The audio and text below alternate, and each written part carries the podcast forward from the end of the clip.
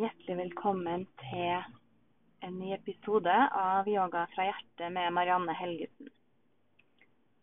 Jeg gleder meg stort over å kunne dele med dere. Og det er nok en episode om ADHD, da det Ja, akkurat nå så opptar det ganske mye av tankene mine og det jeg leser om. Som jeg har fortalt før, så har samboeren min ADHD. Og det går jo veldig ofte i arv. Jeg syns jo at det er en veldig spennende diagnose. Men først av alt, sett deg gjerne ned om du har ADHD eller ikke. Man har alltid godt av å jobbe med å styre tankene. Og prøve å roe tankene. Det er jo også en av problemene med ADHD er at det er supermye tanker som gjerne er sprikende, som er vanskelig å kontrollere. Og det kjennes gjerne for mye. Det er vanskelig å stenge dem av når du skal sove, f.eks. Ofte kan det være lettere å holde tankene unna på dagtid, for da skjer det masse. Da er det en del distraksjoner, og du er på. Veldig ofte på. Mens på kvelden når du legger deg, så har tankene en tendens til å komme.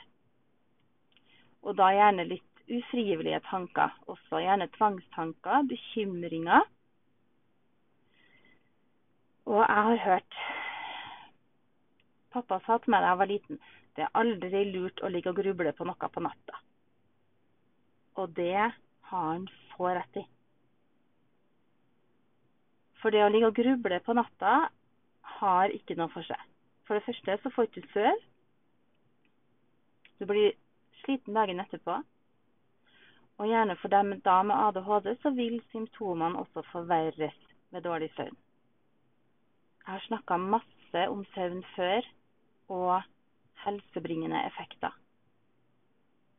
Så det å investere i god søvn, det er aldri feil.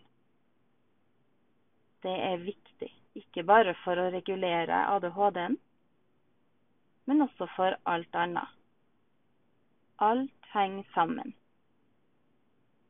ADHD, psykisk helse, søvn, mat ja, og mye mer. Sett deg ned med ryggen rett start bare med å ta noen dype innpust og utpust. Bare legg merke til hvordan pusten er akkurat nå. Uten å dømme, uten å vurdere. Bare observere. La pusten fordypes og virkelig forlenge både på innpust og utpust. Ingen grunn til å puste raskt og overfladisk. Pust med magen, som vi pleier å si. Trekk pusten godt ned i magen, sånn at magen skyves ut. Kanskje får du en sånn skikkelig ballongmage, og det er herlig. Bare slapp av i magen og la pusten få gå helt ned i magen. Det er heller ikke bra å gå og trekke inn magen hele tida. Ja, vi kan øve oss på det iblant under trening, absolutt. Eller via Odiana Banda i yoga, praksis. Men å gå og trekke inn magen hele dagen, not good, altså. Bare la magen få være litt avslappa når du puster nå. Det er også lov å legge seg ned og legge høyre hånd på magen og venstre hånd på hjertet. Kjenn at du virkelig puster inn i høyre hånd. Og puste ut. Høyre hånd senkes ned igjen. Så det kan være fint å overdrive den utposninga av magen også, bare sånn at du får litt grep om det. Øve deg på rolig det er stor sammenheng mellom pusten og sinnet. Stor sammenheng mellom pusten og tankene. Kontroll på pusten gir deg bedre kontroll på tankene. Kontroll på tankene gir deg mye bedre psykisk helse. Tror jeg. Alt har en sammenheng. Sover du for lite, så er du også mer disponert for å slite med den psykiske helsa. Depresjon, angst, for mye tanker og hva det måtte være. Så hvis vi bare klarer å få de tankene i hodet til å være stille, så kan i hvert fall jeg se for meg at frykten kanskje blir litt lettere å håndtere. Angsten og uroen og redselen blir kanskje litt lettere å håndtere. Mm. Får du god søvn, så vil nervesystemet sannsynligvis være litt bedre balansert. Og kontroll på nervesystemet vil nok også gjøre at du føler deg roligere. Så nervøsitet kan jo komme av ubalanse i nervesystemet. At nervesystemet f.eks. er i høygir. Da blir man lettere nervøs av småting. Og det er også lettere å ha Eller man har mer søvnproblemer, gjerne. Og hvis du stadig vekk er i den fight-flight-modusen, hvor du alltid kjenner at det er fare på ferde, selv om det kanskje egentlig ikke er noe reell fare, det gjør deg sliten både mentalt og fysisk. Hvis den psykiske helsa er godt ivaretatt, så vil du også ha det mye bedre fysisk, tror jeg. Gjerne ligg litt til og bare lytte. Du kan sette deg opp om du ønsker det. Spille inn podkast i bilen. Tar gjerne tilbakemeldinger på lyden her, altså. Jeg har hørt at den er god. Så da tenkte jeg ja, da gjør jeg det nå i dag. Det passer bra mens jeg venter. Jeg er også ganske ivrig nå på å spille inn flere episoder om ADHD siden jeg leser mye om det, så kommer jeg veldig ofte på at det må jeg ta i en podkast, eller det kan jeg snakke om i podkasten. Husk på at det her er mine personlige erfaringer, og mine og Kjetil sine erfaringer. Men vi ønsker å belyse temaet, og vi ønsker å fjerne skam og stigmatisering, for det er fortsatt ganske mye av det, som jeg nevnte i en tidligere episode. Mange foreldre ønsker ikke å utrede barna for ADHD, er min erfaring. Nei, hun eller han har ikke det. Nei, nei, nei. Eller i hvert fall ikke medisinere. Og da tenker jeg at det man fratar faktisk barnet sitt, den hjelpa barna har krav på. Er sikker at alle som har ADHD skal medisineres. Det er ikke sikkert det er løsningen. Ja, kunne vi bare gjort yoga fem timer om dagen, så hadde vi sikkert ikke trengt ADHD-medisin engang. Og spist helt perfekt. Men har vi da tid til det? For veldig ofte er en medisin en erstatning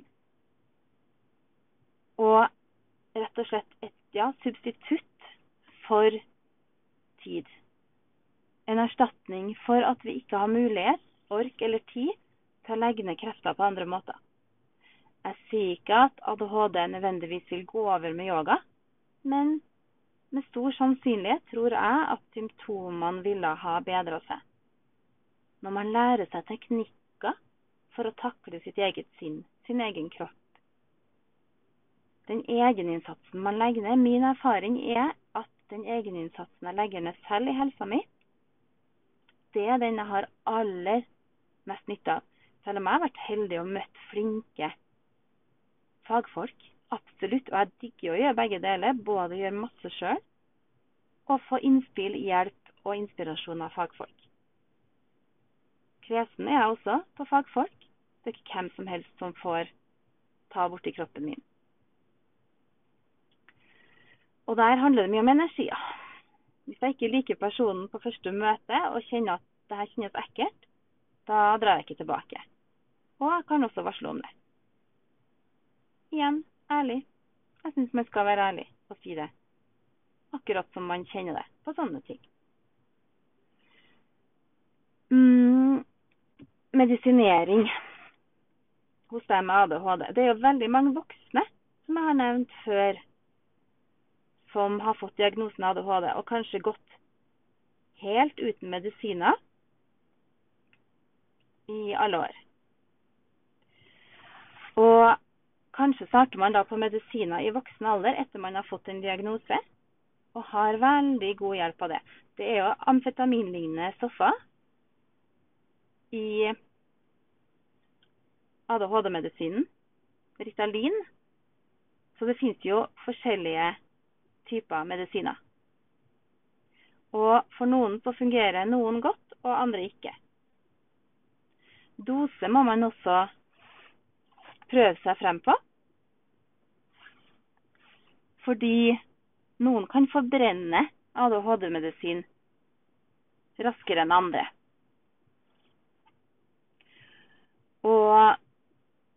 Så jeg skal ikke ta noe stilling til det å være for eller mot ADHD-medisin.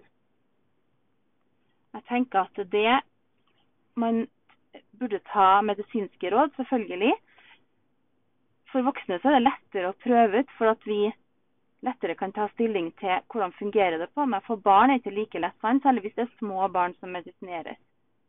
Men der er det jo da foreldrene og omsorgspersonene sitt ansvar å følge med på hvordan medisinen virker på den enkelte, og eventuelt skifte. Og gjerne ta tror jeg, noen pauser fra medisinen. Det tror jeg kroppen har veldig godt av.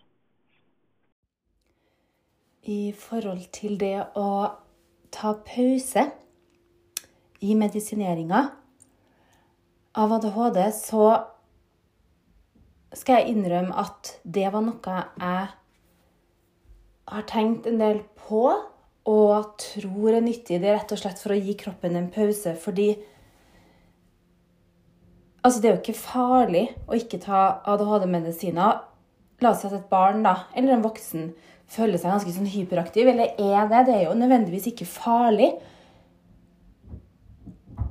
Så jeg tenker jo at hjernen har godt av, og kroppen har godt av, å bare få lov å være seg sjøl og få utløp. Og det er jo noe av det som står for også, er det at man er god nok som man er. Og akkurat det syns jeg det er så utrolig viktig å formidle til barn. At barnet er godt nok uten medisiner også. Og det er jo litt annet å medisinere barn i forhold til det å medisinere voksne. Eh, det er to typer medisiner som ja, så vidt jeg vet, i hvert fall som finnes nå. Det kan hende det har kommet flere på markedet. Det skjer jo så utrolig masse. Um, det er sentralstimulerende legemidler. Det er da metylfenidat og amfetamin. Så det er ganske kjent at amfetamin og amfetaminlignende stoffer brukes for å rett og slett døyve symptomene hos ADHD-pasienter. Og så er det atomoksetin. Og det er ikke så veldig vanlig å la barn med ADHD få amfetamin, men Ritalin det er jo et amfetaminlignende stoff, så det kan ha litt samme effekt som amfetamin. Men amfetamin, så vidt jeg vet, så er det hakket mer heavy. Det er jo også doping, sant? Så at ADHD-medisiner fås jo på resept. Og det skal jo ikke i utgangspunktet brukes av mennesker som er friske, og som ikke har ADHD. Jeg mener at det også går under et narkotikum i forhold til hva som står i felleskatalogen. Um, Ja, altså det med å medisinere barn Når barna da er under tolv år, eller kanskje under sju også I forhold til det som står i barneloven, så har jo barna en del medbestemmelse fra fylte sju år om forhold som gjelder seg sjøl. Og det kommer også da an på voksenheten til barnet, eller modenheten. Fra barna er tolv år, så har barnet rett til å si sin mening om forhold som angår barnet. Og det her er jo ikke bare medisinsk, men også i forhold til hvis foreldrene er skilt, i forhold til bosted, samvær etc. Eh, fra barna er 16, så har de rett til å bestemme sjøl om de ønsker å gå på medisiner eller ikke. Og samme gjelder jo også i forhold til opplysninger. Hvis barnet ditt som er under 16 har vært hos legen, så har jo legen i utgangspunktet taushetsplikt, eller hos en annen behandler. Og, men hvis f.eks. det kommer frem noe som er skadelig, da, enten for barnet selv eller for andre, og som er alvorlig, så skal legen informere foreldre eller foresatte. Men ikke etter fylte 16. Så det er et sånt skille der. Når barna fyller 16, så har de mye mer bestemmelsesrett. Og f.eks. også eh, i barneloven i forhold til bosted og samvær og ferier, så har barna rett til å bestemme selv når de er fylt 16. Det skal legges stor vekt på hva barnet mener fra barnet er 12, men det skal også tas hensyn til helt fra barnet er 7 ut ifra modenhet. Og jeg syns jo det der er så viktig. Jeg er jo litt sånn uh, jusfreak i tillegg til sykepleier, yogainstruktør og HMS. en god suppe av en blanding. Jeg har jo to år juss på masternivå. Eh, masse om barneloven, arverett, familierett. Eh, begynt så vidt på forvaltningsrett. Skifterett, kontraktsrett. Ja. Men eh, Så akkurat barneloven er jeg veldig opptatt av og syns det er spennende har jeg også hjulpet en del folk i min nære krets eh, etter skilsmissa f.eks. og det med barnefordeling. Bare rådgivende. Ønsker ikke å ha, noe ansvar siden jeg ikke har en full jusutdannelse. For det har jeg ikke. To år på master, ja, det er noe helt annet enn en bachelor. Men allikevel. Prøve å være, eller egentlig ganske ydmyk eh, i forhold til det. I forhold til ADHD-medisiner, jeg syns jo det er superspennende tema som dere har skjønt, siden jeg har folk med ADHD i min nære krets. Um, og det med medisinering av barn Man må jo være mye mer varsom på det. Fordi de har jo ikke, som jeg sa i sted, ikke like stor evne til å uttrykke eventuelle bivirkninger og forskjeller. Så det er jo ikke meninga at man skal dope ned ungen helt bare fordi at ungen er forstyrrende for omgivelsene, for det er jo også brukt som et argument for å medisinere barnet. På en måte, Ved første øyekast så høres det litt sånn Nei, men man skal jo gjøre det for barnet sitt del. Det er barnets beste man skal gå for. Det skal være pga. ungen. Ikke fordi at foreldre eller søsken eller skolen er sliten. Men faktisk så teller det også. Fordi hvis foreldre, søsken skolen, medelever, er sliten, så vil det også få negative konsekvenser for barnet med ADHD. Så det er mange grunner, eller det er flere grunner til å medisinere, men jeg tenker kanskje at hovedgrunnen eller jeg mener at hovedgrunnen må være at det er for barnets beste. Og også det at man gir barnet mulighet til å ha ro nok til å lese, studere, eh, gjøre skolearbeid og ja, rett og slett bare også ro nok til å få til å ta seg en dusj. For det er eh, Spesielt hos gutter så er det jo mye hyperaktivitet. sant? Det er jo liksom det typiske ADHD-barnet. er skikkelig hyperaktivt. Og det er gjerne en gutt. sant? Det er det man tenker med en gang. Men så um, arter det seg. Og, og selvfølgelig, det vil jo medføre en del konsentrasjonsvansker og uoppmerksomhet. Det er jo også, Man deler jo type ADHD inn i tre også. Det skal jeg komme tilbake jeg tenker, til i neste episode. For det rekker jeg ikke å snakke om her, men jeg skal jeg lover å komme tilbake til det. Um, så det der med uoppmerksomhet gjør jo også at det kan være litt vanskelig å fungere i en vennegjeng. sant? Hvis det er flere folk, så kan det bli stress. Og det der med uoversiktlighet er også noe som er utfordrende. Gjerne så føler dem som har ADHD, seg overvelda. Selv om det kanskje ikke er så mange oppgaver man skal gjøre, så kan også de oppgavene føles helt uovervinnelig eller uoppnåelig å få til. Uoversiktlig. Og det er et godt eksempel med samboeren min. Hvis han må gjøre noe sånn papirarbeid Altså, han er bare sånn. Han hater det. Han utsetter og utsetter og utsetter. Så det er jo jeg som egentlig må ta tak i sånne ting og bare få gjort det. Igjen, som jeg nevnte i forrige podkast, så har vi en avtale om at jeg åpner brevene hans og leser opp til han det som er viktig. Um, så at det kan virkes virke så stort, da, sånne ting, og så fører det en til at man La oss si f.eks. på jobb, hvis man har en jobb som innebærer en del papirarbeid, kontorjobb. Jeg vil nok tro at en kontorjobb er kanskje ikke det beste valget til en som har ADHD, er veldig hyperaktiv og umedisinert. Derimot, hvis man har lært seg å kanalisere energien sin, kanskje med hjelp av yoga, meditasjon, avspenning, trening, mat, kanskje også medisinering så er det jo mulig å kunne sitte i ro og fred i en kontorjobb. sant? Kjæresten min er elektriker, så han har valgt et håndverk. For han får brukt kroppen sin. Men han må også høre på podkast samtidig for å få hodet til å tie stille. Litt rart. Så han igjen kunne ha jobba fysisk i flere timer i stedet for å skrive en kort mail som tar meg to minutter. sant? Så da er det ganske artig å se de forskjellene. For jeg er jo litt sånn nerd på papirarbeid. Elsker å lese, elsker å skrive. Veldig glad i språk, rettskriving og alt sånt. Han er stikk motsatt. Så det flirer vi, flirer vi, ganske mye av. Så da har vi bare tenkt sånn Ja, jeg hjelper deg med alt sånt. Tar det for deg. Mens han, hvis jeg har et eller annet trenger å få fiksa i huset, smukk, fikser han det med en gang. Og æren. Han er superflink til å gjøre æren, og flink til masse annet òg. Absolutt. Um, så ja. Det med medisinering på noen så går jo medisinen ut fort. Og det kommer jo også litt an på dose, så det er jo selvfølgelig viktig å prøve ut med en lege. Og man må jo også ha en lege til å skrive resept. Eller en annen helsepersonell som kan skrive resept. Psykiater, f.eks. Og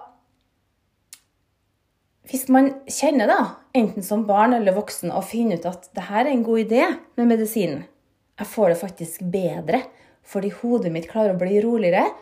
Jeg får gjort oppgavene mine. Jeg slipper å ha så dårlig samvittighet for å stadig vekk feile og ikke rekke å gjøre oppgavene i tide, sant? siden det virker overveldende ofte. Hvis det gir deg et bedre liv, altså, da tenker jo jeg at det ikke er noe tvil. Hvis jeg hadde hatt ADHD, så hadde, hadde jeg fått et bedre liv av medisiner. Selvfølgelig hadde jeg tatt det. Jeg har da søren meg astma og må ta astmamedisin og får et bedre liv.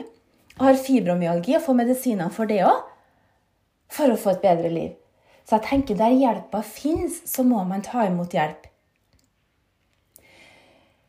Det er ikke eh, nok forskning så vidt jeg vet, på bivirkninger av ADHD-medisin. Eller bivirkninger, for så vidt er det forskning på, men ikke langtidseffektene.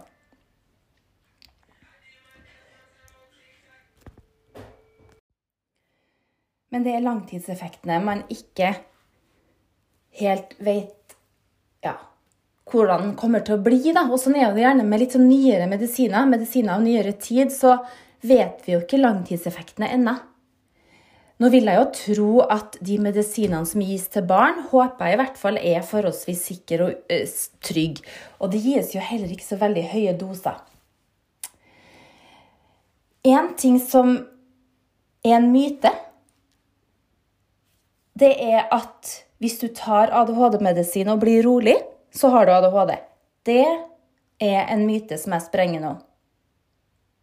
For ADHD-medisin virker ganske likt på dem med ADHD og dem som ikke har det. De med ADHD blir gjerne litt roligere, får til å konsentrere seg. Og de tenker litt klarere og får til å sortere tanker, og det roende hodet. Kroppen kan kanskje kjennes litt sløvere. Kan den gjøre på friske mennesker som ikke har ADHD, så virker ADHD-medisin på ca. samme måte. Så det gjør også hodet klarere til dem som ikke har ADHD.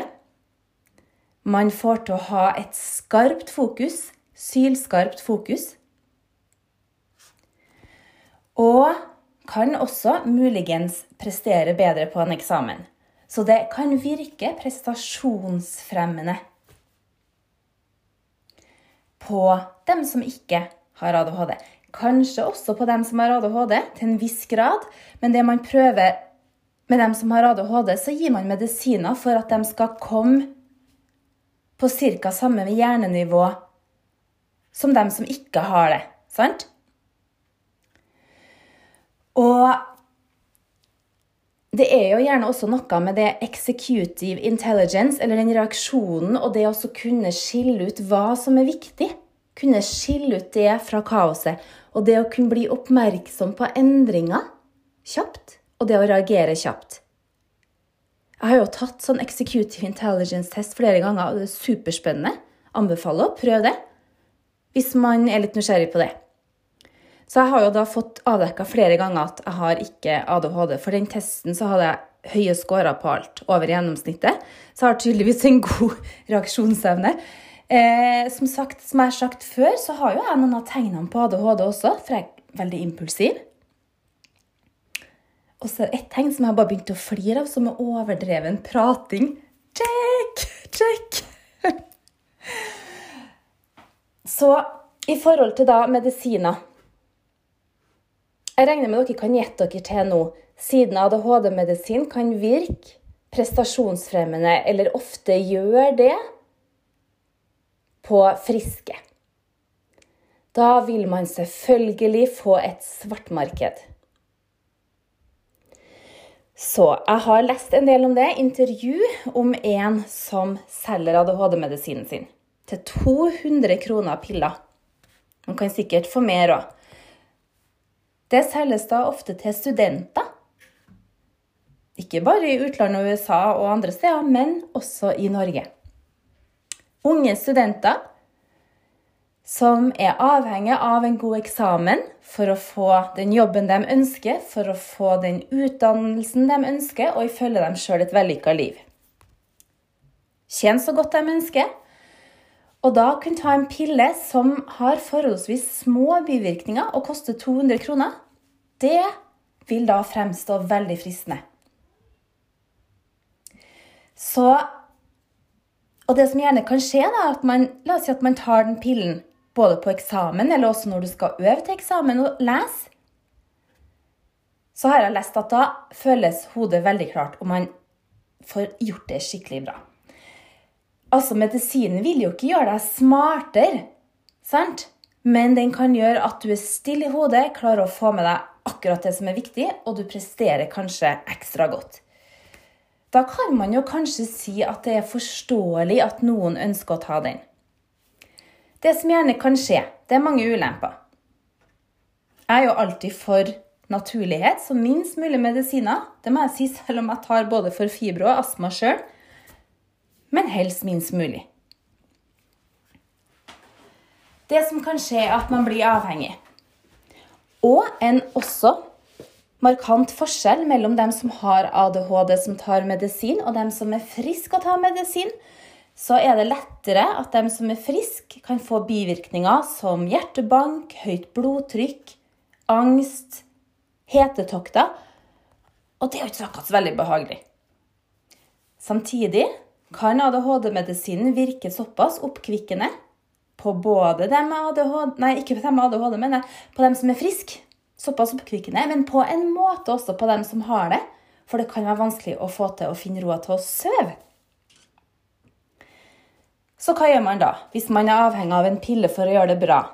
Og tar kanskje den hver dag i en travel eksamensperiode. Jeg har også lest at noen tar det for å orke å feste i etterkant av en eksamen, eller når du har brukt mye tid på å studere, og det høres jo helt crazy ut. Men hva må du gjøre da? Ok, Da må du kanskje ta sovemedisin da, for å få til å sove. Ok, Så våkner du med verdens største hangover, for det kan man lett få av sovemedisiner, eller også da selvfølgelig av alkohol, eller en kombo. Tenk deg om du har vært så smart at du har kombinert ADHD-medisin først, så alkohol og så sovemedisin. Yay, det er jo litt av en cocktail, så da tror jeg man føler seg forholdsvis uggen dagen etterpå. Hva om du skal lese dagen etterpå, da? Kanskje de tar nok en pille? Eller kanskje det er lett å gå over til ekte amfetamin òg? Who knows? Eh, det tror jeg er ganske skadelig. For det første så syns jeg det er synd at vi skal måtte ta en pille for å gjøre det bra på eksamen. Så det kan jo nesten sidestilles med doping i idretten, for det er ikke lov. Det er visse medisiner som står på lista. F.eks. Therese Johaug som brukte en lypsyl, nei, en leppesalve, leppesalve til et munnsår. Og så ble hun søren meg tatt for doping for en salve. Så det er strenge regler, og man Det blir jo sånn at man må følge de reglene som er, hvis man skal delta på noe. Så det blir jo litt som å ta doping, da, for da er det jo urettferdig lag. Hvis noen har tatt ADHD-medisin som ikke har ADHD, eller hvis noen som har ADHD har tatt for mye for å gjøre det ekstra bra. Så det er jo ganske urettferdig. Men ja, samfunnet er jo urettferdig. Uansett. Så hvem bryr seg, kan kanskje noen tenke. Men det som jeg tenker det først og fremst da for helsa Hvis man stadig vekk må ta én medisin for å være kvikk og én medisin for å få til å sove Stakkars levra. Det er én ting. Men det som jeg også har lest, da, det er en professor som holdt på å forske på det her. Han hadde ikke noe klart svar, jeg husker ikke hvor jeg leste det heller, så derfor så vil jeg ikke sitere. Men han sa at hvis du da tar mye ADHD-medisin som frisk, en frisk person, bare gjør det, la oss si at du er 20 når du begynner, da, og så bare fortsetter du, sant? så tar du det også på et jobbintervju for å være mer spæsj. Eller kanskje du tar betablokkere til et jobbintervju hjertemedisin som gjør at du ikke har sånn hjertebank og høyt blodtrykk. For det er mange som blir supernervøse på jobbintervju. Det er jo naturlig òg. Men noen har det verre enn andre. Så jeg har hørt om forelesere som tar betablokkere før de foreleser, f.eks. For eksempel, hvis de ikke er så glad i det. Kanskje heller da skifte jobb.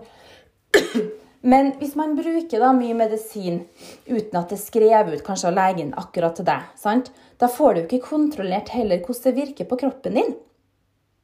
For det kan hende at du tar noen andre livsviktige medisiner som ikke skal krysses med den medisinen. Det er én ting. En annen ting også som han forskeren sa, eller skrev, da, eller hadde sagt eller skrev, er at La oss si at du tar såpass mye medisiner fra du er 20 til 50, da. Så mente han at det som kunne skje, er at du koker hjernen, for hjernen vil være i høygir nesten hele tida. Koker den skikkelig, sånn at den ved 50 års alder er utkjørt og utbrent og ferdig. Sant? Så det er jo én ting. Så vi har jo Kroppen er jo egentlig skapt for å være naturlig. Og hvis kroppen skal klare å helbrede seg sjøl, så kan man slappe i seg alt mulig rart, tror jeg. Så at å ta ADHD-medisiner når du ikke har det bare for å prestere bedre, det er ingenting, jeg understreker virkelig ingenting jeg anbefaler. Men jeg syns allikevel at det er greit å fortelle litt om det, siden det faktisk har blitt et marked. Ikke bare ADHD-medisin, til og med medisin for Alzheimer. Tar friske personer det, så har de erfart at de husker bedre. Så gå på hukommelsen. Men husk på det, det er heller ikke bra å ta. Hukommelsen kan man trene på så mange andre måter. Det fins ordentlige måter sånn at du på ekte får god hukommelse. Og det fins måter å trene på i stedet for å ta betablokkere, som gjør at du senker blodtrykk og puls. Det fins mat du kan spise, trening du kan gjøre for å senke blodtrykk, f.eks. Trenger du blodtrykksmedisiner, så er nå det noe helt annet. For da er det foreskrevet av din lege, som kjenner deg og vet hva du trenger og hva du går på fra før, og som samtidig følger deg opp medisinsk. Um, ja, og eh, også selvfølgelig ADHD-medisiner. Man kan jo også praktisere yoga for å dempe symptomene. Man kan legge om kosten for å dempe symptomene, så det finnes jo naturlige måter. I stedet for å være avhengig av en pille. Sant? Og nå er det jo også spådd at det kommer piller for alt mulig rart i fremtida. Og det kan godt hende at det gjør. Jeg sier ikke at man ikke skal ta medisin når man trenger det. Selvfølgelig trenger man medisin, så jeg er 100 for. Jeg er så glad for at vi har antibiotika. Jeg er så glad for at det finnes astmamedisin, smertestillende. Jeg er så glad for at det finnes hjertemedisin. Men at friske mennesker skal ta det for å prestere, det syns jeg blir veldig feil. Så da vil jeg si takk for at du lytta. Spørsmål, send meg gjerne. Så skal jeg prøve, hvis jeg ikke vet det med en gang eller tror jeg har et svar, så skal jeg prøve å finne ut av det. Jeg liker også å få litt utfordringer for å lese meg på ting. Så nå er jeg inne i en skikkelig sånn eh, ADHD-studietid. Syns det er superspennende og gleder meg også til den podkasten som jeg skal lage om ADHD og kvinner. Eller jenter. Jenter og kvinner. Hvordan det arter seg der. For det er jo en del forskjell mellom kjønn. Og jeg skal også da fortelle litt om de tre typene ADHD. Som man kategoriserer det i nå, da. Selv om da Kjetil sier når du har møtt en med ADHD, så har du møtt bare én. Det fins en del likhetstrekk, men husk på at også alle mennesker er unike og forskjellige. Sender masse kjærlighet til deg, med eller uten ADHD. Lots of love. Husk på at ADHD også kan være en superkraft. Mwah!